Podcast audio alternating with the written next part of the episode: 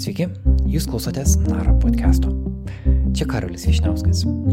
Šiandien specialus epizodas, jame kalbėsime apie kairios politikos būklę Lietuvoje. Mūsų pašnekovas yra Vytauto didžiojo universiteto profesorius, filosofijos ir socialinės kritikos katedros vedėjas Gintautas Mažėkis. Po pirmojo rinkimų į Seimą turo socialdemokratų partija skaičiuoja blogiausius rezultatus per praktiškai porą dešimtmečių. Jie užėmė ketvirtąją vietą, surinko mažiau balsų už darbo partiją ir vos vos daugiau už naujai susikūrusią Laisvės partiją. Laisvės partija pasiėmė dalies kairių rinkėjų balsus ir dėl to, kad aiškiai deklaravo paramą LGBTQ bendruomeniai. Nors ekonomiškai jie laikosi dešiniųjų neoliberaliųjų pažiūrų. Tad ką daryti kairiam rinkėjui Lietuvoje? Kas apskritai yra kairė politika ir ar ją turime Lietuvoje ir ar Lietuvoje jos reikia? Tai yra pirmas iš dviejų epizodų skirtų šiai temai. Su Gintautu Mažiekiu kalbasi Indrė Kiršaitė.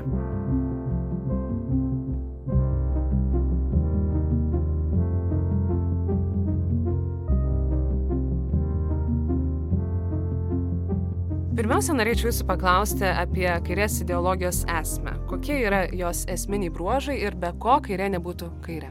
Apskritai kairės ideologija e, susiklosto, atsiranda dviejų įvykių įtakoje. Pirmas įvykis tai buvo didžioji prancūzų revoliucija, kurią aš laikyčiau nelabai esminga e, dabartinės kairės ideologija, kad apskritai kairė buvo suvokiama kaip tai tie, kas reformuoja visuomenę, kas siekia jos radikalaus atsinaujinimo. Bet kadangi Jakobinai ir apskritai e, tuo metiniai revoliucionieriai mažai ką bendro turi su šio laikinė kairė, tai vis dėlto tas e, bendras nurodymas į radikalų atsinaujinimą visuomenės ir drąsų žengimą modernizacijos keliu nėra tiek reikšmingas. Kitas e, laikotarpis tai žinoma didėjai protestai Britanijoje po 1800 metų, apie 1840 ir truputį vėliau. Tai tie judėjimai, kurie padaro didžiąją įtaką Karlo Markso ir ten visos jo kompanijos E, idėjoms ir taip pat pirmajam internacionalui, kada ir susiklosto šio laikinė, sakyčiau, kairės idėja. Tai šio laikinė kairė yra pirmiausia e, išnaudojimo kritika, išnaudojimo tyrimai ir išnaudojimo kritika, taip pat politinė organizacija, kuri galėtų sumažinti žmonių išnaudojimą visų - darbininkų, moterų, žydų, e, kolonijinį išnaudojimą, vaikų išnaudojimą, atitinkamai priekybą žmonėmis ir, ir, ir kitos temos. Tai yra tuo metu susiklosto klasikinė klasikinės temos ir šitos klasikinės temos nėra išnykusios po šiai dienai.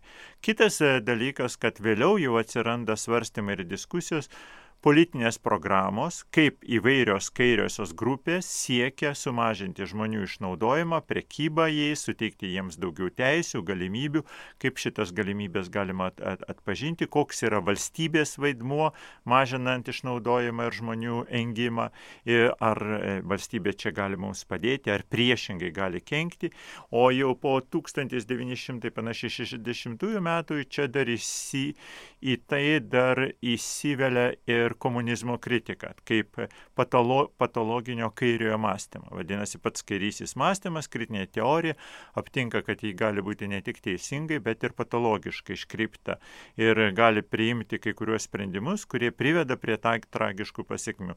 Todėl vakarų socialdemokratija pradeda kreipti dėmesį ir į tai, kad kalbame ne tik apie kairę, bet taip pat ir į tas ultrakairiųjų, į tos ultrakairiųjų dešinių sprendimus, kurie jau nebesiskiria iš esmės nuo fašistinių arba nacionalistinių sprendimų ir kurie gali paskatinti labai blogas socialinės pasiekmes.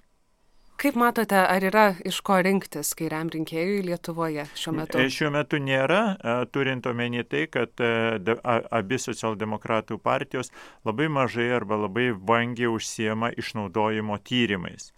Tai yra, jeigu norite tokio išnaudojimo indekso, jo nėra arba beveik nėra, Antras dalykas, jie labai mažai kolaboruoja su socialdemokratija ir kairiaisiais judėjimais. Pažadas apie tai, kad bus sukurti skėtiniai kairieji judėjimai, kurie prieptų, pažiūrėjau, anarchistus, kurie socialdemokratus, netgi radikalius socialistus ar socialliberalus, kad e, būtų sukurtas koks nors skėtinis judėjimas, kuris e, generuotų visas šitas idėjas, pažiūrėjau, dėl e, minėtų neligių teisių ir ir tada, kai ir tada esančioms neligioms teisės mes jau ginčytumėms viduje, ar ne, e, kai, kair, e, kairio skėčio, kairiosios platformos viduje, dėl politinių sprendimų, kurių dėka galima tų, tai būtų sumažinti. Kadangi išnaudojimo diskursas, eks, e, eksploatacijos, kitaip tariant, nėra pagrindinis ir nėra suprantamas, lygiai taip pat kaip rezistencijos arba pasipriešinimo įvairioms išnaudojimo formoms diskursas nėra taip pat pagrindinis ir suprantamas apskritai protestas nėra uh, suvokiamas kaip socialdemokratinė priemonė arba jį yra išstumta. Todėl tas kairysis judėjimas arba kairioji ideologija tapatinama visų pirma su socialdemokratų partijomis ne tik, kad yra silpna, bet dažniausiai visiškai išnyksta, susilyja su dešiniaisiais, konservatoriais ar net su valstiečiais ar valstiečių konservatyvi mintis, ultra netgi konservatyvi mintis susijusi su bendruomenių ir šeimų sauga, kas būdinga ir konservatoriam, yra siejama su kairumu. Tai yra nonsensas, nes tai yra dešinioji dienotvarkė. Socialdemokratų lyderis Gintautas Paluckas e, priešina ekonominę kairę su žmogaus teisų klausimais ir sako, kad būtent tai galėjo lemti prastokų socialdemokratų pasirodymą ir rezultatus e, šiuose rinkimuose, nes pasak jo, kai kurie socialiai teisingos ekonomikos norintys regio, regionų gyventojai, tai yra, kaip jie įsivaizduoja, tradiciniai socialdemokratų rinkėjai, e, apie partnerystės įteisimą, pavyzdžiui, negali net pagalvoti. Tai ar be ekonominės kairės ir žmogaus teisų užtikrinimo mes apskritai galim kalbėti apie kairę? E, noriu pastebėti, kad po antro pasaulinio karo vakarų socialdemokratija pirmiausia kalba apie socialinę politiką, visą socialinę politiką ir ekonomika gali būti e, nagrinėjama ir suvokiama socialinės politikos ir socialinės politinės kritikos plotmėje. Ji negali būti atskirta nuo kitų dėmenų. Tai yra, e, kur e, ir kada prasideda komunizmo kritika, komunizmas kaip tik ir akcentavo štai šitą ekonominį dėmenį, kad štai mes įspręsime kažkokius tai e, gamybinius santykius, kaip formuojami gamybiniai santykiai, apibriešime nor normatyvus ir normas štai šitų gamybinių santykių ir visuomenė pati savaime taps laiminga ir teisinga. Tai yra absurdas, visa Sovietų sąjungos istorija liūdė apie tai, kad gali tokiu atveju būti persikėjimamos seksualinės mažumos, gali būti neigiamos kai kurios moterų teisės, nors atrodo, kad tuo metu kažkokios tai papildomos teisės moteriams buvo suteiktos, galim būti neigiama žodžio laisvė ir viešuma, apskritai viešumos supratimas yra iškreipiamas. Kitaip tariant, jeigu kalbama e, apie ekonomizmą arba tą vadinamą e, homo faber, dirbantį žmogų, kuris neva yra visako pagrindas, tai tada, kas atsitinka, yra iškreipiamas arba deformuojamas socialinis diskursas, socialinis kalbėjimas. Mes vietoje to, kad matytumėm visą socialinį lauką ir politinį lauką, imame akcentuoti vieną vienintelį dėmenį ir tada sakyti ir manyti, kad tokiu, tokiu būdu mes išspręsime visas problemas. Tai yra politiškai pragaištingas dalykas, kadangi e, tai visų pirma nėra nei teisinga, turint omeny, kad e, yra ignoruojamos daugelio žmonių ir įvairovės teisės ir nėra suprantama, kaip jie dalyvauja toje pačioje gamybinėje veikloje. Antras dalykas yra iškreipiamas pats gamybinė, e, gamybos savoka arba ekonomikos savoka, dažniausiai nemanant ir nelaikant, pažiūrėjau, kad kūrybinės industrijos yra šiuolaikinės gamybos dalis, funkcionali ir e, labai reikšminga. Arba nesuprantant to, kad šiuolaikinė ekonomika yra tinklinė, pasaulinė ar mažų mažiausia plati regione regioninė, europinė, ar ji nebe, jau nebegali būti svarstama vien tik tai Lietuvos plotmėje. Nebegalima vien svarstyti bankų, kad jie liet, paklūsta Lietuvo, vien Lietuvos įstatymam ir kad nereikia solidarizuotis čia, pavyzdžiui, šiaurės šalių darbininkams arba įvairio, įvairiems kitiems socialiniams judėjimams e, e, galų gale e, socialinės, socialinės idėjos atmetimas jos nustumimas į antrą vietą ir iškeliant į pirmąją vietą abstraktų ekonomizmą, iš principo nužudo pačią socialinę politiką. Ji, ji nebėra suprantama ta, kaip šita socialinė politika ir tada toje vietoje gali pasirodyti ir, ir įtraukiami įvairūs dešinieji argumentai. Tradicinis dešinysis argumentas yra ginti tradiciją, ginti tautą, tautinę šeimą ir krikščionišką šeimą. Tai yra e, konservatyvusis dešinysis judėjimas išskiria tam tikrus bruožus, jie nesidomi ir nesigilina išnaudojimo faktorius kurių yra labai daug, ir stiprina tą tradicinį, e, savo tradicinį pasirinkimą. E, tokiu atveju normali politinė aplinka susiklosto tada, kai kas nors gali veikliai oponuoti dešiniesiems, veikliai oponuoti dešiniesiems. Kitaip tariant, neneigiant to, ką kalba dešinieji, iškelti savo argumentus, jūs žiūrėkite, sakyti, jūs nematote to ir to, o mes giname šitos dalykus. Ir šiandien galbūt aktualesni klausimai yra ne kalbėti apie tradicinę šeimą, o kalbėti apie, pažiūrėjau, socialinę politiką ir įvairių grupių, visuomenės grupių integraciją. E, žmonių, kurie neturi pilietybės, žmonių, kurie atvyksta į Lietuvą Lietuvą dirbti, e, nepilnų šeimų, e, žmonių, kurie nori gyventi partnerystėje, žodžiu, įvairių, įvairių yra daugybė klausimų ir kaip tai yra susiję su socialinė politika ir tik dal, iš dalies, ir tik iš dalies su ekonomika. E, tačiau socialdemokratai bijo šito pokalbio. Jie mano, kad šitas pokalbis galėtų nuvesti, atbaidyti nuo jų rinkėjus, kas yra visiškai iliuzija. Pavyzdžiui, tai, kas surinko Laisvės partija ar Monaitė, didžiąją dalimi galėjo pasimti socialdemokratai. Tai yra, jeigu socialdemokratai būtų buvę drąsūs ir kalbėję štai šitą temą, socialinės politikos tema ir mažumų, mažumų integracijos tema ir kaip tai yra susiję, pavyzdžiui, kad ir su ta pačia ekonomika ekonomiką. Jie galėjo paskatinti ne tik ekonomikos raidą, pavyzdžiui, aukštųjų technologijų ir kūrybinių industrijų srityje, bet lygiai taip pat ir padidinti savo rinkėjų skaičių. Bet priešingai, išnekėdami kaip e, dešinieji, kaip konservatyvūs e, politikai, gindami e, tradicinę visuomenę ir tradicinę ekonomiką, iš esmės e, pataikavo, ne tik, kad e, pataikavo valstiečiams ir, e, ir, ir konservatoriams, bet ir patys išsižadėjo daugelio savo savo pačių idealų. Tada tokiu atveju, kodėl rinkėjas turėtų balsuoti už socialdemokratus, jeigu kiti atviriau ir drąsiau šneka.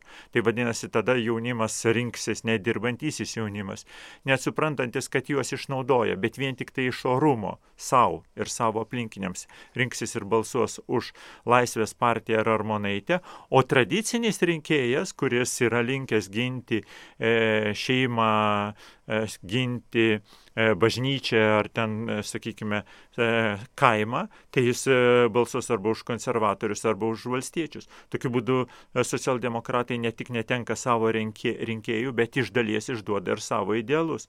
Ir e, išeities aš šitoje vietoje nematau, kaip tik reformuoti visą socialdemokratų partijos ideologiją. Kodėl apskritai Lietuvoje yra labiau ir plačiau atstovaujama dešin, dešinioji e, mintis? Na, e, dėl, dėl e, tam tikrų priežasčių yra. Žinot, pirmas e, dalykas, kad kairieji ilgą laiką Lietuvoje buvo asocijuojami su komunistų partija, vėliau su darbininkų atgimusi, persitvarkiusi LDDP. Ir Brazausku tai buvo tam tikros inercijos, sovietinės inercijos balsuoti už LDDP ir vėliau jau atsiradusią jung, jungtinę partiją Lietuvos socialdemokratus. Tai šitos inercijos šiandien jau beveik baigėsi, jos arba išsisėmė, arba tie žmonės yra pavargę nuo tokio balsavimo inercinio ir gali balsuoti net ir už darbo partiją šitoje vietoje. Ir tada tai buvo laikotarpis 30 metų, kad per kurį galėjo susiformuoti realiai naujoji socialdemokratija. Pakankamai ilgas laiko tarpas. E, kas buvo blogo e, šitoje, šitame komunistinėme režime? Jis iš viso nesirūpino jokia, e, ne, nevykdė jokių darbininkų išnaudojimo tyrimų, neužsiminėjo mažomos politiką ir nevykdė aktyvios socialinės kritikos ir socialinės politikos. Visa viešuma buvo giliai, giliai patologiška komunikaciniu ir ten visokiais kitokiais požiūriais. Ir aš tiesiog nenoriu leistis dabar į kritiką štai šito sovietmečio. Tik reikia atminti, kad tai nebuvo darbininkų arba išnaudojimo arba socialinės socialinių grupių, įvairių socialinių grupių politiką. Tuo metu tokios politikos tiesiog nebuvo. Ir buvo pakankamai ilgas laikas, per kurį būtų galima suformuoti štai šitą politiką. Atitinkamai formuoti tyrimus, atitinkamai leisti mokslinės knygas. Noriu atkreipti dėmesį, kad tradicinė socialdemokratija visada vykdo labai plat, plačius tyrimus socialinius tyrimus. Tai nėra paprastas šnekėjimas, populistinis šnekėjimas, bet tai yra argumentai, kurie e, paremti savo pačių vykdomais, remiamais arba aktualizuojamais tyrimais. Ir socialdemokratai pakankamai ilgai buvo valdžioje tam, kad tokius tyrimus galėjo inicijuoti netgi valstybės sąskaitą. Ir, ir, ir, tokiu, tokiu, tokius dalykus vykdyti. Bet E, štai šitas e, vis dėlto tokio pavydalo kalbėjimas, kuris būtų taip pat susijęs su protestais, su rezistencija, su tam tikrų grupių gynimu, kuris būtų, e, kuris būtų aktyviai integruotas į aikštę, kuris bandytų suprasti, pavyzdžiui, kodėl, kodėl Lenkijos darbininkai solidarumo laikotarpio 81-83 ir vėliau pakilo į kovą prieš komunistinį režimą ir aiškinti, kas negerai buvo su komunistiniu režimu.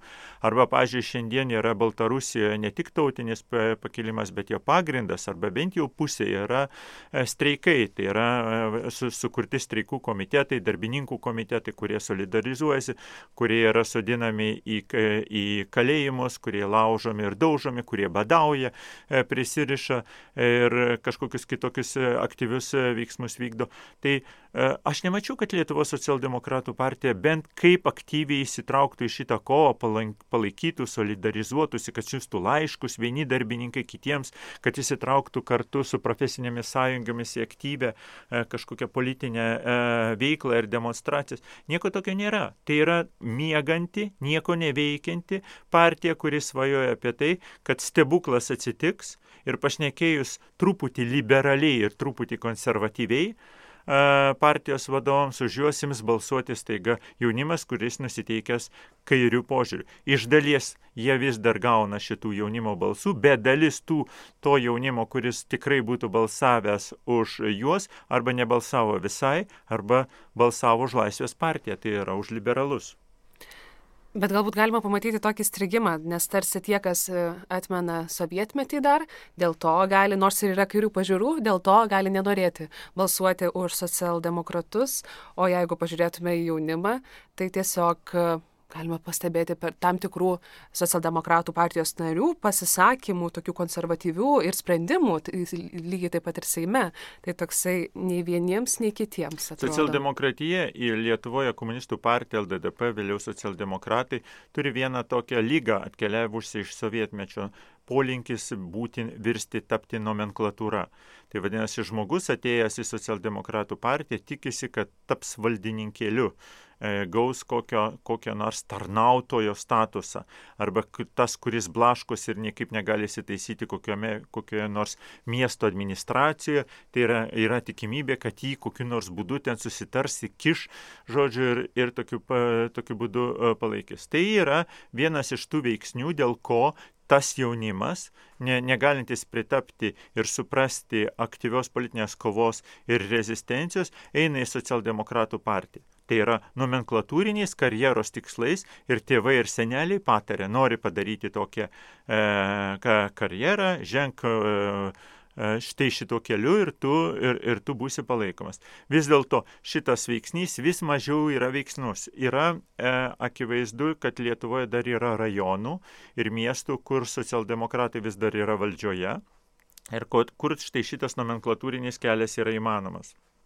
Antras dalykas, aš nepasakyčiau, kad tik socialdemokratų partija serga šitą nomenklatūrinę lygą jį persimeta ir persiduoda. Žinoma, per įvairias politinės partijas ir atkeliauja ne tik iš sovietinio palikimo, bet ir savo pačių yra tai suformuotas reiškinys. Bet socialdemokratai ilgą laiką labiausiai sirgo šitą lygą. Jeigu, sakykime, užkrestumo mastą palyginti, tai būtent socialdemokratų partijai buvo šitas užkratas labiausiai būdingas, kurio reikėjo kaip galima, kaip galima labiau atsikratyti. Atsikratyti tai reiškia radikalizuoti. Radi, radikalizuoti taip, kad štai šitas, šita nomenklatūrinė grupė išsigastų. Ji nereikalinga, yra balastas, ji trukdo formuotis, formuotis pol, politiniai partijai, arba ta politinė partija nėra iš tikrųjų partijų, yra tik tai tam tikras biurokratų susirinkimas. Bet 2017 metais mes tarsi matėme tą apsivalymą, kada socialdemokratai išėjo iš pozicijos ir tada suskilo ir dalis senosios partijos dalies e, liko pozicijoje ir sudarė naują politinį darinį, o socialdemokratai tuo metu labai daug kalbėjo apie atsinaujinimą. Taip, ir tuo metu aš labai palaikiau ir manau, kad e, tos pirmosios idėjos buvo labai gražios. E, pirmiausia, tuo metu Gintautas Paluckas kalbėjo tai apie taip vadinamą skėtinę, jeigu norite, tinklinę socialdemokratiją, kuri e, veiktų panašiai kaip Siriza E, jų to, tokia jungtinė kairiųjų koalicija Graikijoje, kuri galėtų aprimti apriepti ir bendradarbiauti su įvairiais kai, kai, kairiaisiais. Tačiau ilgainiui nei jis, nei jo aplinkiniai taip ir nesukabėjo pasiūlyti tos dienotvarkės arba platformos, kur kairiai galėtų bendradarbiauti. Priešingai buvo e, vis, visakiojopai ir viskas daroma, kad tuos kitus kitokius kairiuosius, kurie ne visai sutampa ir nenori palaikyti e, taip vadinamos generalinės ar nomenklatūrinės partijos linijos, e, kad e, buvo siekiama visai juos atstumti ir, ir su jais ne, nebūti kartu, kitaip tariant, štai šito, šito tinkliškumo mes jokių būdų nematėme. Žinoma, taip pat aš labai sveikinau tai, kad socialdemokratai tie atsiskyrė reformuoti, jie atsisakė bendradarbiauti su valstiečių partija, kuri nors ir sakosi, kad besanti kairioji, bet niekada nėra vykdžiusi jokios išnaudojimo analizės, e, nėra užsiminėjusi socialinė įvairovės, socialinės įvairovės politika ir e, garsiai išnekėdami apie gerovės visuomenę arba meilę tautai, iš ties vykdo dešinėje politiką ir ar, ar net vietomis ultradešinėje politika. Tai uh, tada tas atsiskyrimas buvo savaime suprantamas ir buvo aišku, kad e, tai yra labai geras kelias ne tik atsinaujinti, įtraukti daug jaunų žmonių, bet ir atnaujinti visą programą, visą ideologiją. Ir pirmieji žingsniai, sakyčiau, pirmo pusmečio tai ir buvo pastangos, e, daug pastangų buvo padaryta, kad, e, kad tai atsitiktų. Tada ir įvyko socialdemokratų partijos kilimas, tai atsiskirimas, kad jis žinoma ir dėl nomenklatūrinių E, sumetimų, turint omeny, kad tie, kurie bendradarbiavo su valstiečių partija, norėjo likti ministrais, viceministrais arba likti Seime įtakingose komitetuose, tai vadinamieji Kirkilo arba Bebrų e, socialdemokratai, tai taip e, tada e, šitas vėlgi skirimasis. Daug kas iš mūsų ir aš labai palaikiau. Ir tai sukėlė daug simpatijų ir aš atsimenu, kad įvairios politinės partijos labai džiaugiasi netgi konservatoriai, matydami, kad štai galų gale bus aiškus oponentas, su kuriuo galima diskutuoti. E, buvo įsivaizduojama, kad e, tada mes matysime debatus, e, kuriuose aiškiai pamatysime vertybinius skirtumus, kad štai išeis, sakykime, ten Gabrielius Landsbergis ir Gintautas Paluckas ir kurie gebės būti, jei žinote, juoda ir balta, bet ne gerąją ir blogąją prasme, o tai, kad jie taip kontrastingai klastingai skirsis ir vieni gindami vienas vertybės, kiti kitas galės argumentuoti ir tokiu, mes, tokiu būdu mes pamatysime, kas mūsų visuomenė yra gerai arba negerai, nes tas, tas oponavimas visada yra naudingas. Bet labai greitai pamatėme, kad ta e, e, naujosios socialdemokratų vadovybės kalba susiplakė E, ištirpo šitame dešinėjame liberaliame kalbėjime ir atskirti, kur čia kalba arba Armonaitė, kur e, Paluckas, o kur e, Gabrielius Landsbergis, ar, ar kur kas kita, ta tapo beveik nebeįmanoma. Tos kalbos susiplakė. Toliau, kokią aš problemą e, mačiau, tai, kad socialdemokratai labai greitai prarado tą ryšių su visuomenė iniciatyvą. Vadinasi, ką aš turiu omeny, kad kiekviena politinė partija nori formuoti savo diskursą. Savo diskursą tai vadinasi, apie ką kalba žiniasklaida, apie ką kalba visuomenė. Ir mes šitas temas primetame, mes jas pasiūlome ir jas, mes jas įdiskutuojame ir tada žiniasklaida prisideda prie mūsų, tai yra mes galime formuoti žiniasklaidos dienotvarkę. Tai yra pagrindinės jos temas. Ir politinė partija yra pajėgi tai daryti. Tačiau a, iš principo niekada taip nebuvo, turint omeny, kad kiekvieną kartą, kada kas nors visuomeninis transliuotojas ar e, kuris ko, komercinės radijas ar televizija pasikviečia socialdemokratus Gintautą Paluską, jiems yra pasiūloma tema, ne jis pasiūlo temą. Kartais aš girdžiu socialdemokratai sako, o mums niekas e, nepakviečia į tokius pokalbius, kuriuose galėtumėme mes išdėstyti pakankamai tas socialdemokratinės idėjas. Mano, mano manimu, tai visiškas absurdas šitas teiginys. Šiuo metu yra socialiniai tinklai, jūs patys galite formuoti tą dienotvarkę, niekas to netrukdo. Aš formuoju, kitas blogeris formuoja štai šitą dienotvarkę. Kiekvienas yra pajėgus, parodydamas savo iniciatyvą ir gebėjimus, formuoti šitą temą. Galbūt ją pavyks jums sukurti ne per vieną, ne per dvi dienas, bet tikrai per mėnesį kitą jūs ją jau galėsite išplėtoti ir sakyti, kad visuomenė nediskutuoja socialdemokratinių idėjų yra absurdas. Nes net ir po rinkimų, jeigu žiūrėtume, Gintauto Palutsko beveik nematome nei, nei Facebook'e, nematėme jokio įrašo nei apskritai e, žiniasklaidoje. Aš nenorėčiau visą tai suvesti į vien tik tai lyderystės problemą. Be abejonės, kad tokia lyderystės problema partijoje yra ir kad jeigu lyderis tyli, tai mes galėtumėme tai pasvajoti ar pajokauti, gal jis rašo reikšmingas monografijas ir knygas, kurias mes pamatysime po kurios dienos ir tuos tyrimus ir jis mus nustebins, juk nežinome, ką, kuo jis užsiema tuo tylėjimo laikotarpiu. E, tačiau e, tada reikia kalbėti apie visą partijos valdybą, reikia kalbėti įvairius komitetus, reikia kalbėti apie kitus lyderius. E, partija yra tik tada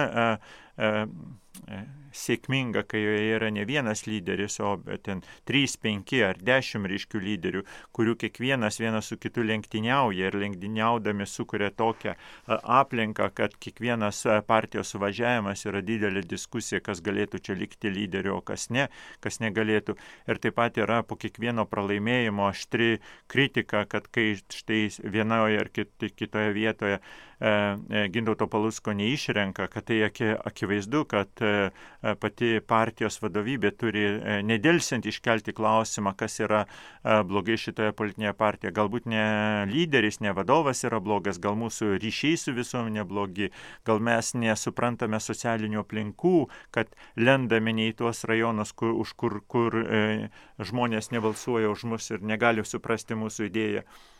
E, gal mūsų strategija ir taktika nėra gera. E, kitaip tariant, e, nebūtina, nebūtina čia viską suversti vien tik tai lyderiui. Ir tada kaltinimas yra mano daug didesnis. Čia problema ne tik lyderio, čia yra visos partijos vadovybės problema. Po pirmojo rinkimų turo socialdemokratų lyderis Gintautas Paluckas pasakė, kad jų partija rems valstiečius vienmandatininkus, kurie išėjo į antrą turą. Ir šiaip dabar galime pastebėti visuomenėje, kad e, įvairūs politologai, politikai ir žurnalistai e, centro kairiai priskiria tokias partijas kaip valstiečiai ir žalieji ar darbo partija. Tai ką kairus turi šios partijos ir ar tai nesumenkina kairės kaip ideologijos? E, žinoma, kad ne tik, kad sumenkina, bet kokią aš čia matau problemų, tai yra tokią, jeigu norite, vietoj to, kad kiekviena politinė partija turėtų savo veidą ir bandytų žudbūt suformuoti savo atskirą įvaizdį, veidą, savo atskirybę, pabrėžiu atskirybę. Jos vietoje to bando susimesti į kažkokias grupuotės, kluakas, kur kalba viena ir ta pačia kalba ir kur sunku atskirti, ką kuris šnekėjo, neturėdami, neturėdami nei savo e, kalbėjimo stiliaus, nei išvaizdos, nei kitų dalykų, naudojamasi senais archetipiniais vaizdais, ateiti su raudona vėliava, bet šnekėti apie e, gerovės visuomenę ir šeimą, tai yra iš esmės su raudona vėliava kovoti už konservatyves idėjas, tai a, ir dar po to susidėti su valstiečiais, kas iš viso a, yra tokiu atveju nonsensas, iš tikrųjų man suprasti, kas čia yra daroma labai sunku. Jeigu mes pasižiūrėsime į politinės programas, tai labai dažnai politinių programų politinės partijos neberašo.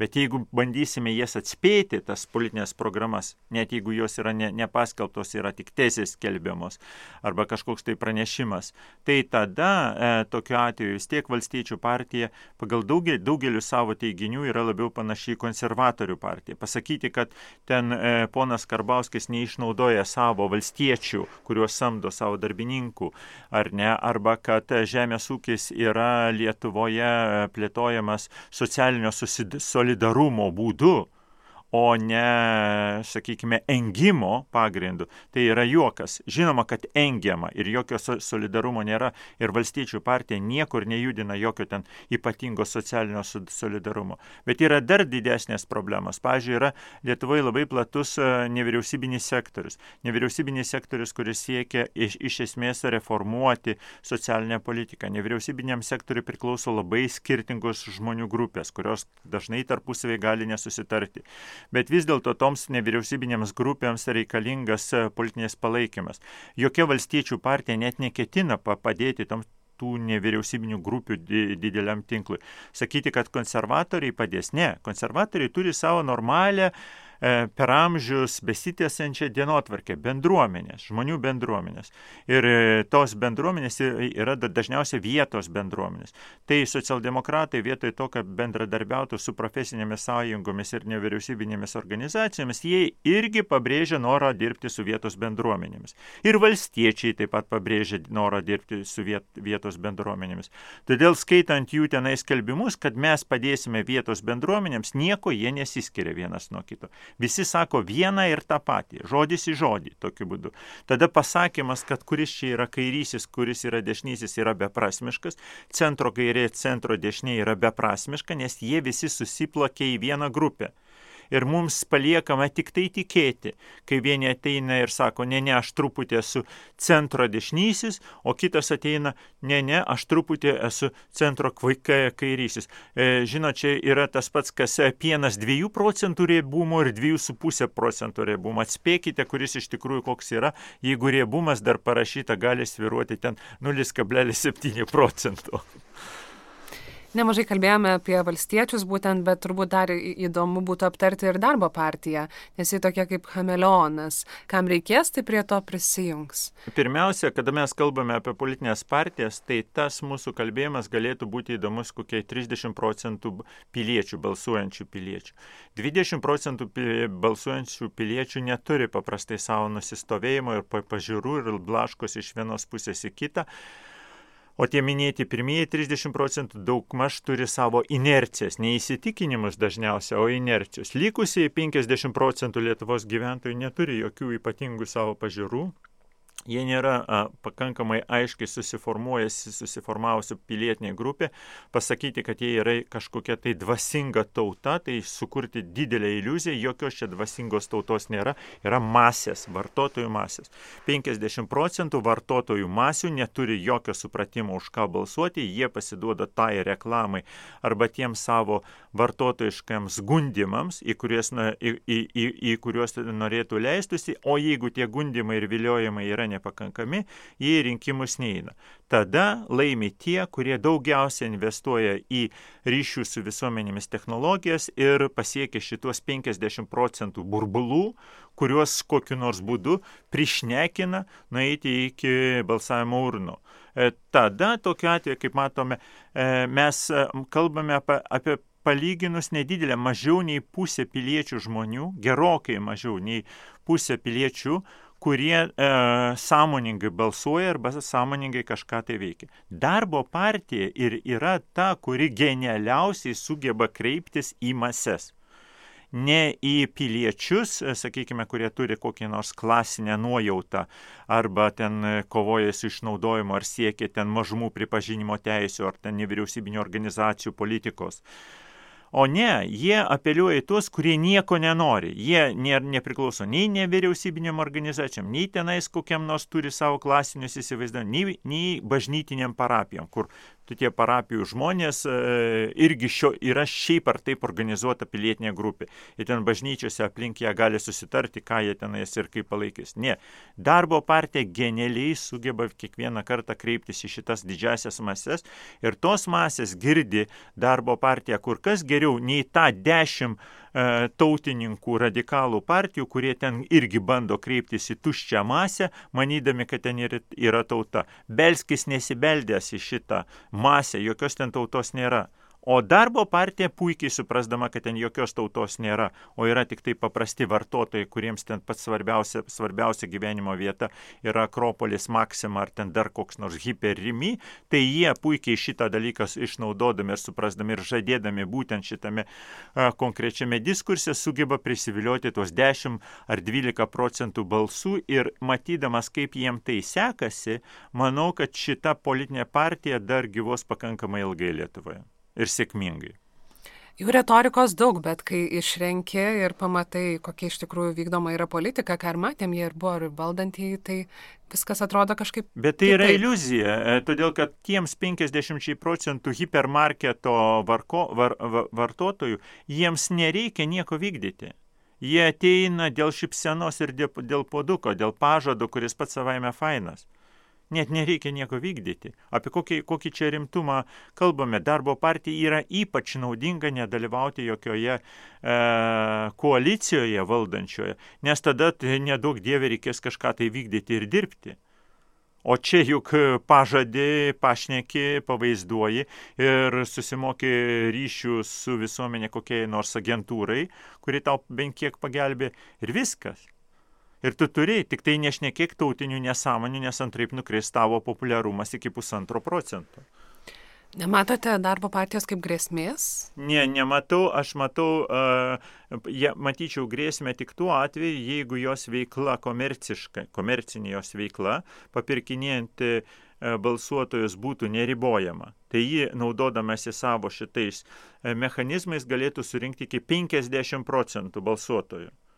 Tai yra, jie kiekvieną kartą laimėtų Lietuvoje jeigu jie dalintų saldainius, mėtytų ledus, renktų pops koncertus regionuose atvirai, o kitos partijos to nedarytų, tai taip, jie triuškinančiai kiekvieną kartą laimėtų, bet kadangi šita jų veikla yra labai stebima ir prižiūrima, jie ne, negali išnaudoti štai šitų savo tokių populistinių mechanizmų, tai atitinkamai jų populiarumas ir sviruoja ties 10 procentų, kas, kas yra jų partijų partijai visiškai pakankamas kiekis. Tai aš manau, kad ciniška darbo partija yra labai savo vietoje ir labai gerai supranta, ką elgesi ir ką veikia.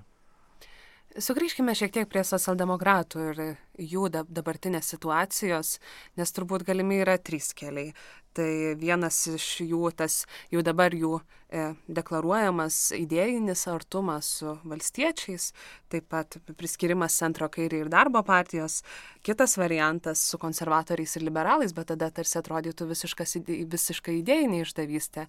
Trečias variantas - matyt, likti opozicijoje ir prie nieko nesijungti, kurį jūs matote variantą. Aš manau, pirmiausia, reaguosiu idėjinį išdavystę nėra čia ypatingų jokių idėjinių išdavysčių ir turint omeny košmarą, kada susidės konservatoriai su Laisvės partija, kada dvi e, politinės partijos turi kai kuriuos teiginius visai nesuderinamus vieni su kitais, jie aptiks, kad e, ta pati jų koalicija, liberalų, kaip e, Laisvės, e, pažiūrėjau, partijos ir konservatorių koalicija yra kur kas E, labiau, e, sakykime, prieštaringa, prieštaringa, nei jie būtų susidėję su socialdemokratais arba valstiečiais. Tai yra ten, ten aš matau jų teiginiuose kur kas daugiau prieštaravimų, nei tai, kad jie bendradarbiautų su tomis partijomis, kurio, ne, kurios neturi jokio veido. Tai e, šitoje vietoje aš e, matyčiau taip, kai dėl socialdemokratų, jeigu jie, pažiūrėjau, susidėtų su e, Laisvės partija, tai žinoma, patiems socialdemokratam labai išeitų į naudą, tai atsi, atsinaujinimo, galų gale drąsesni taptų ir atitoltų bent kiek nuo, nuo nomenklatūros. Kita vertus, ten irgi neišvengiamas prieštaravimas, kadangi liberalų par, abi liberalų partijos, ypač Laisvės partija, akcentuoja laisvą rinką, tai vadinasi nedėmesingumą išnaudojimo tyrimams. Ir išnaudojimo mažinimui, manant, kad papraš, paprasčiausiai valstybinė pagalba išnaudojimiems, tai yra didinant, sakykime, išmokas ir visokius kitokius ten socialinės pagalbos dalykus galima kompensuoti patį savaime išnaudojimą. Ne. Tai socialdemokratai, socialdemokratų tradicinė idėja užsidirbti pats, bet užsidirbti tiek, kad garbiai ir oriai gyventum ir, kad, ir tai reiškia, kad užsidirbk neleisdamas kitam tave išnaudoti, perdėm išnaudoti. Ir todėl tas išnaudojimo indeksas ir e, eksploatacijos indeksas yra, yra pakankamai didelis. Būdas, kuriuo kviečia užsidirbti socialdemokratai ir būdas, kuriuo kviečia užsidirbti liberalai yra skirtingas skirtingas. Socialdemokratas kviečia užsidirbti, kada tu pats prižiūri išnaudojimo sąlygas ir matai, kad tu nesi engiamas ir, ir matai, kad įvairios nomenklatūrinės valstybinės arba tarptautinės grupuotės nenupeša nuo tavęs per daug pinigų, kad viskas yra tam tikrose sutarimo ir racionalumo ribose. Tuo tarpu e, Laisvės partija ir liberalai dažniausiai kviečia užsidirbti kiek gali, nekvestionuodamas egzistuojančios tvarkos. Pati savaime tvarka yra numanoma liktai būtų gera ir, e, ir tokiu būdu slapta yra pateisinamas labai didelis išnaudojimas ir įmonių ir korporacijų cinizmas. Tai čia yra pagrindinė vieta, kur galėtų susikirsti socialdemokratai ir liberalai ir negailestingai šitoje vietoje atakuoti vienas kitą. Tačiau, kadangi socialdemokratai iš viso nedėmesingi išnaudojimo klausimų ir netyrinėjai, tai kas, ka, kas, kas, ką jiem reiškia, susis, jie gali susidėti ir su valstiečiais, jeigu norite, ir su liberalais, ir su konservatoriais, kas nuo to pasikeis. Jiegi neturi veido. Apie, e, jie turi savo seną demagoginį, savo seną demagoginį kalbėjimą. Jeigu tu nori, kad nesijungtum pagal principus, o aš sakyčiau, nereikėtų jungti su liberalais pagal principus, tai tu turi turėti tuos principus. O kai neturi principus, tai tegu jungiasi su kuo tik nori, nors ir su darbo partija, koks tiems skirtumas. Ir ką tada daryti rinkėjui, kairiam rinkėjui? E, šiuo, šiuo, šiuo atveju iš ties e, labai sudėtingas klausimas. Ir aš e, taip pat galvoju, ar būtų prasminga, kad vėl ir vėl formuotųsi kokia nors nauja socialdemokratinė ar kita kairioji partija. Ir matydamas Lietuvoje likimą naujų įvairių partijų ir grupuočių, kurios tik tai susiformuoja, kad tai yra nelaimingas ir blogas likimas. Laisvės partija yra išimtis. Ir, bet, e, bet dažniau mes matome nesėkmės, nei sėkmės ir nematydamas šiai akimirkai e, žmogaus ar žmonių grupės, kurie galėtų suformuoti naują e, kairę dienotvarkę, tai aš vis dėlto manau, kad reikia rinkėjų tiesiog laukti, dabar teks nusivilti kurį laiką, reikia, kad iš, iš esmės pati socialdemokratų partija iš vidaus reformuotųsi. Reformuotųsi galbūt pagal tuos pačius tikslus, e, kurie buvo iškelti tame suvažiavime, e, kada buvo Gintautas Paluskas išrinktas partijos vadovu. Tai yra e, tie daugelis iš tų tezių, mano manimo, buvo pakankamai geros, reikėtų jas ten žinoma papildyti, bet čia diskusijų reikalas diskusijų reikalas. Ir tada jau šita, ir tada, žinoma, pritraukti kaip galima naujų žmonių, kaip, kaip galima daugiau naujų žmonių į štai šitą visą aktyvizmą ir jokių būdų nesusidėti su valstiečiais, nes tai yra e, pakankamai pragaištingas, e, pragaištingas kelias. Kita vertus yra, žinote, visada politikoje užkulisiniai susitarimai. E, politika ir partinis gyvenimas tai nėra vienas ir tas pats. Partinis gyvenimas tai reiškia kurti savo idealus, vykdyti tyrimus, žodžiu, plėtoti ten kritiką, viešąją ir teorinę kritiką. Tai yra vienas gyvenimo būdas. Ir kitas yra kasdienė politika. Kasdienė politika, kada mums reikia pritraukti daug, daugiau žmonių, žodžiu, kartai kasdienė politika lemia e, valdžią, jeigu norite. Tai, jeigu nori padaryti tam, tikra, tam tikras reformas, reikia valdžios. Ir šitoje kasdienėje politikoje susitarimai, laikini susitarimai ten e, įvairiose vietose, E, racionalūs kartais susitarimai yra e, e, suprantami, bet nebūtina tai deklaruoti kaip visuotinio principo.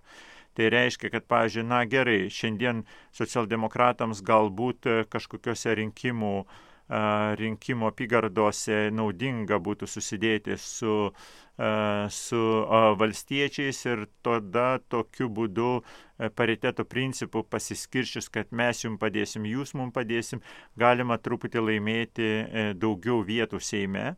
Čia yra politinis žaidimas bet tai nebūtina paversti visuotinę deklaraciją, kad mes sekame ar susidedame ir būname kartu su valstiečiais. Tai du skirtingi dalykai. Vienas dalykas e, yra fronte spręsti, kaip mes elgiamėm šiandien arba rytoj. Ir kitas e, dalykas yra deklaruoti savo idėjinės e, pozicijas ir programas. Tai šitas būtent man kelia abejonių ne tai, kad kokioje nors apygardoje socialdemokratai ir valstiečiai bendradarbiaus. Gali būti ir visai kitaip, kad socialdemokratai, pažiūrėjau, ir liberalai bendradarbiaus, ar dar kaip nors, kad, pažiūrėjau, kuris nors ten, nežinau, valstiečių kandidatas yra abejotinas pagal savo gebėjimus ir kompetencijas, o yra du išmintingi socialdemokratas ir konservatorius ir jie gali susitarti tada tokioje vietoje. Tai aš manau, kad šitie e, vietos sprendimai, racionalūs vietos sprendimai, neturi būti siejami su e, bendromis politinės partijos nuostatomis. Tai du skirtingi dalykai.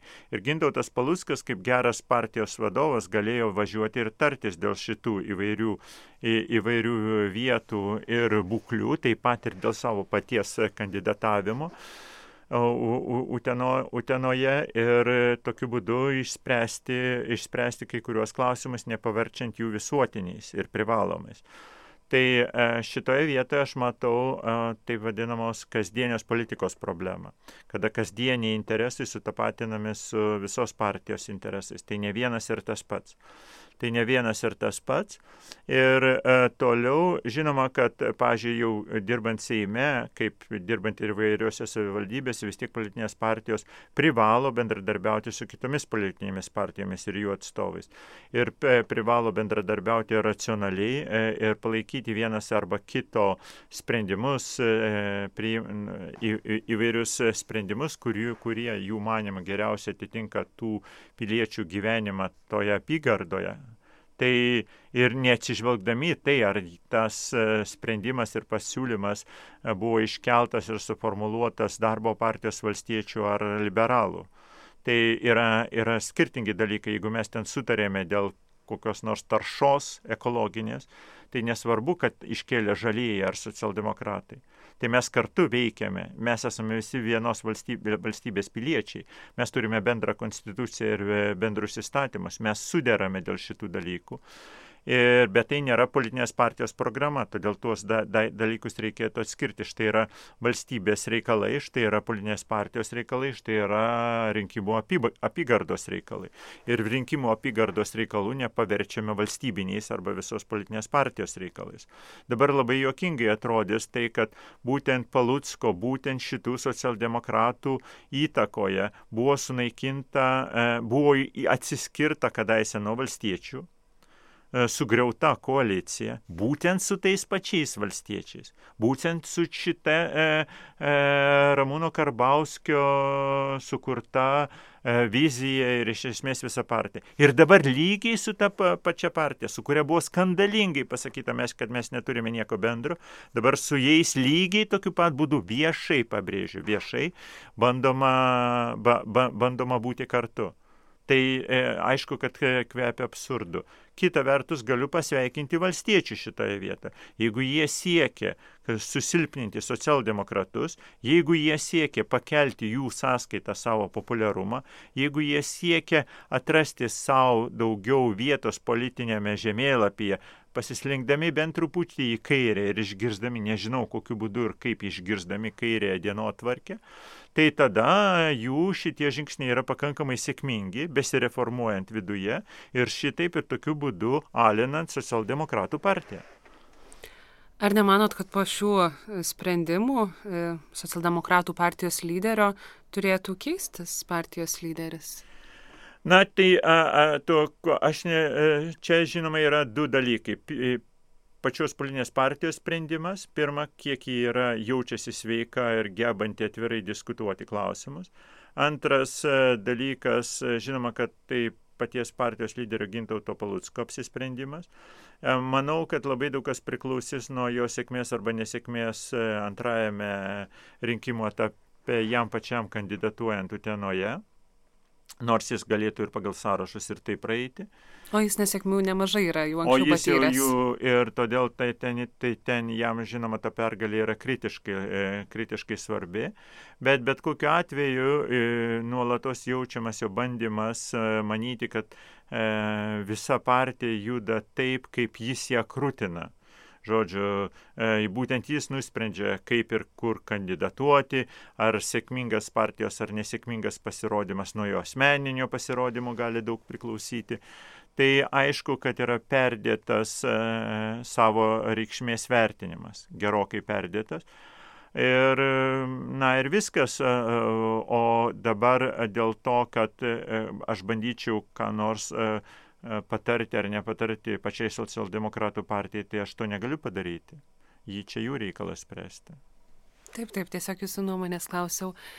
Šiaip kokia, galbūt čia spekuliatyvus klausimas, bet kokią ateitį e, matote socialdemokratiškai minčiai ir jos tolesniam judėjimui Lietuvoje, nes jeigu pažiūrėtume e, į dabartinę socialdemokratų partiją, su kuria ėjo į rinkimus, į būtent tą sąrašą, iš tikrųjų yra nemažai jaunų žmonių, perspektyvių ir nebūtinai jaunų, tiesiog naujų žmonių partijoje su, su labai iškiamis socialdemokratinėmis idėjomis. Na, e, visų pirma, aišku, kad visada norėtųsi pasakyti, kad e, matytumėme, norėtumėme matyti e, gerą, a, gerą perspektyvą. E, Tačiau, žinote, yra toks dalykas, kad kai e, visuomenėje yra iškilusios ir subrendusios problemos, tai tada patys piliečiai kviečia ir ieško žmonių, kurie norėtų jas spręsti. Ir jeigu socialdemokratai nesprendžia kai kurių absurdiškų problemų, beje, pavyzdžiui, e, štai viena iš tų problemų, kad e, bau- baudžiamoji, e, štai minėtasis kanapio arba marihuanos klausimas, kada kri, krimin, ši- šito klausimo kriminalizavimą pradėjo būtent socialdemokratų partija o ne, ne valstiečių partija. Čia ne jos e, pasiūlymų. Ir e, visi, visi puikiai atmena, advokatai, prokurorai atmena, kad iki, ten, ten, ten aš jau tikrai nepasakysiu, bet ten bent jau prieš dešimt metų e, kanapių vartojimas nebuvo, baudžia, nebuvo kri- kriminalinis nusikaltimas, tai buvo viešas nusikaltimas, nu, už tai galima gau, buvo gauti viešąją bausmę, baudą, ar ne, tada tave pali, policija pagauna e, rūkantį, ar ne, ir ten, ten tau gali skirti tam tikrą baudą, pavyzdžiui, 50 litų, ar ne. Tiesiog administracinė Jo, tvarka, tai yra administracinė tvarka ir visiems tai buvo suprantama ir tada netgi buvo galima kovoti, reikia šitos e, administracinės bausmės ar nereikia. Ir po to staiga ji buvo tokiu būdu kriminalizuota prie sunkiųjų nusikaltimų, kada už vieną gramą ten e, paauglys tenais jau 17-18 metų dar dar net iki 18 metų. Jis jau gali būti sodinamas iki ten 5-7 metai kolonijos gali gauti. Tai yra e, e, vertinama kaip sunkus nusikaltimas. Esant sunkiem nusikaltimam, negalioja ten įvairios lengvatos jauniems žmonėms. Arba pirmojo nusikaltimo tenais e, lengvatos. Tai yra buvo sukurta beprecedentinis persekiojimas žmonių, lyginant su daugybė kitų išsilavinusių europietiškų šalių, kur iš viso kanapių vartojimas yra legalus. Jūs, jūs galite nueiti į kavinę rūkyti ir jūsų ne tik nieko nes, nebaus, o labai džiaugsis, kad jūs susimokėjate pinigus už tai ir kad jūs esate padarus vartotojas, įskaitant, pažiūrėjau, Kanadą. Ne tik, e, ne tik Olandiją, bet ir Kanadą. O štai Lietuva pasirinko visiškai kitą kelią, bru, brutualų kelią, kuriuo nužygiavo islamo valstybės. Ir akivaizdu, kad e, daugelis a, apsišvietusių piliečių Lietuvoje suprato absurdą egzistuojančios situacijos, visišką absurdą ir kad tą klausimą reikiame, reikia nedėlsiant spręsti. Tai yra, kiekviena politinė partija galėjo imti spręsti šitą absurdišką klausimą. Taip pat ir socialdemokratai, nors jų siūlymų ir buvo šita e, situacija sukurta kriminalizacijos. Tai kągi tada tokiu atveju, e, kadangi nei viena politinė partija, nei net social, socialdemokratam, kuriems pridėrėjo šitą klausimą išspręsti, jo nesiemi, aišku, atsiranda kita drasi politinė partija, Laisvės partija, kuri tiesiog deklaruoja ir pasiema populiarumą, kuris kuris voliojasi ant žemės. Tiesiog reikia jį pakelti ir tu būsi populiarus. Ir tokių klausimų yra labai daug Lietuvoje šitų klausimų, dėl, e, sakykime, tas pats dvigubos pilietybės klausimas, ten jį galima tobulinti, reikia priimti ten konstitucinės pataisas, bet reikia priimti šitas konstitucinės pataisas. Reikia tenais e, dėl, sakykime, mišrių ten nepilno šeimos, e, dėl e, dirbtinio apvaisinimo, dėl homoseksualios partnerystės. Tai yra tie klausimai, kurie yra vėl ir vėl keliami netgi iki referendumo lygio, bandoma netgi e, spręsti referendumo būdu, turint omeny jų aktualumą.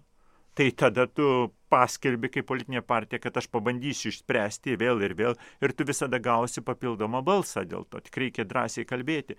O kas tenais verkšlena dėl to, kad reikia žūt būtinai išsaugoti kažkokią tai sugalvotą krikščionišką dviejų asmenų šeimą. Tai šitas klausimas nėra populiarus jis iš viso atgyvenęs. Kelk kelk, kelk jį nekėlęs, už jį negausi papildomų jokių balsų, todėl kad tai savaime suprantama, kad tai yra, tai ne problema. Ir e, probleminis kalbė, e, socialdemokratų partijos probleminis kalbėjimas yra labai menkas. Labai dažnai yra panašus į tą tokį pat kaip ir prezidento Gitanos nausėdo su nuorodomis į vairius tarptautinius gerovės visuomenės indeksus, kas iš esmės dešinysis yra kalbėjimas. Ir tie gerovės indeksai praktiškai yra tuštybių taš tuštybė, kadangi nėra politinės programos, ekonominės programos, kuri parodytų, kodėl šitas indeksas pas mus yra labai blogas ir tyrimų dėl to, kodėl šitas indeksas yra blogas. Nėra tiesiog deklaruojama, žiūrėkite, mes ten pagal išnaudojimą piliečių velkamiems ES odegoje, tenais išnaudojami panašiai kaip rumūnai arba bulgarai, tai tada mes šiandien e, sumažinsime. Kaip tu sumažinsi, jeigu nėra jokio tyrimo? Kaip, tu sumažinsi, jeigu nėra ilgalaikės programos? Kaip tu tai padarysi, jeigu to nepaverti ilgalaikę politiką? Nieko tu nepadarysi, deklaruok nedeklaravęs. Ir štai tada pasirodo Gitanas Nausėda prezidentas ir tada aibė kitų politinių partijų lyderių gali šnekėti panašius, panašius tuščius dalykus, nieko nereiškiančius. Ką tai reiškia politiniai partijai? Ryšių su visuomenė rimti e, rimti vadybininkai pasakys, tai reiškia, jei tu šneki tą patį, ką visi, kad tu atiduodi balsus kitiem. Tu neturi vaizdo, tu neturi įvaizdžio.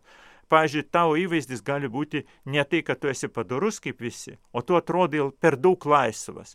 Arba apsirengęs ne taip, kaip pridera. Arba elgiesi ar šneki ne taip, kaip, kaip visi šneka. Ir tai jau tave atsimins, ir tai tau bus pliusas.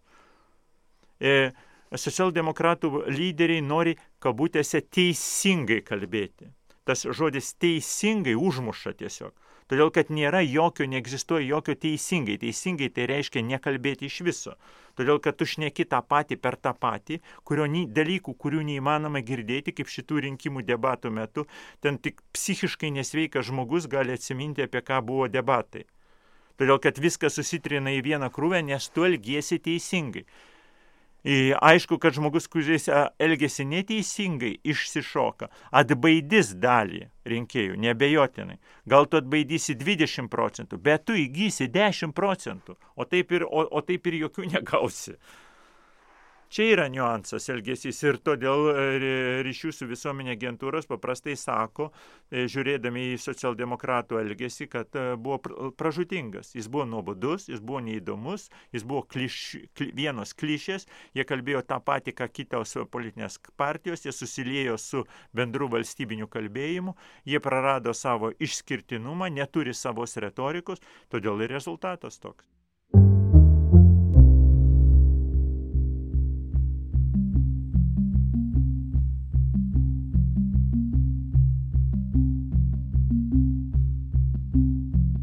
Toks mūsų epizodas šiandien. Ačiū, kad buvote kartu. Interviu rašytas Vytauto didžiojo universiteto garso įrašų studijoje Kaune. Su profesoriumi Gintautu Mažiekiu kalbėjosi Indrė Kiršaitė. Nara podcastą išlaiko patys klausytojai Patreon platformoje. Adresas yra patreon.com slash naralt. Podcastų muzikos autorius yra Martinas Gailius. Antroji kairės tyrinėjimų dalis laukia kitą savaitę. Tada ir susitiksim. Mano vardas yra Karolis Višniauskas. Iki greito.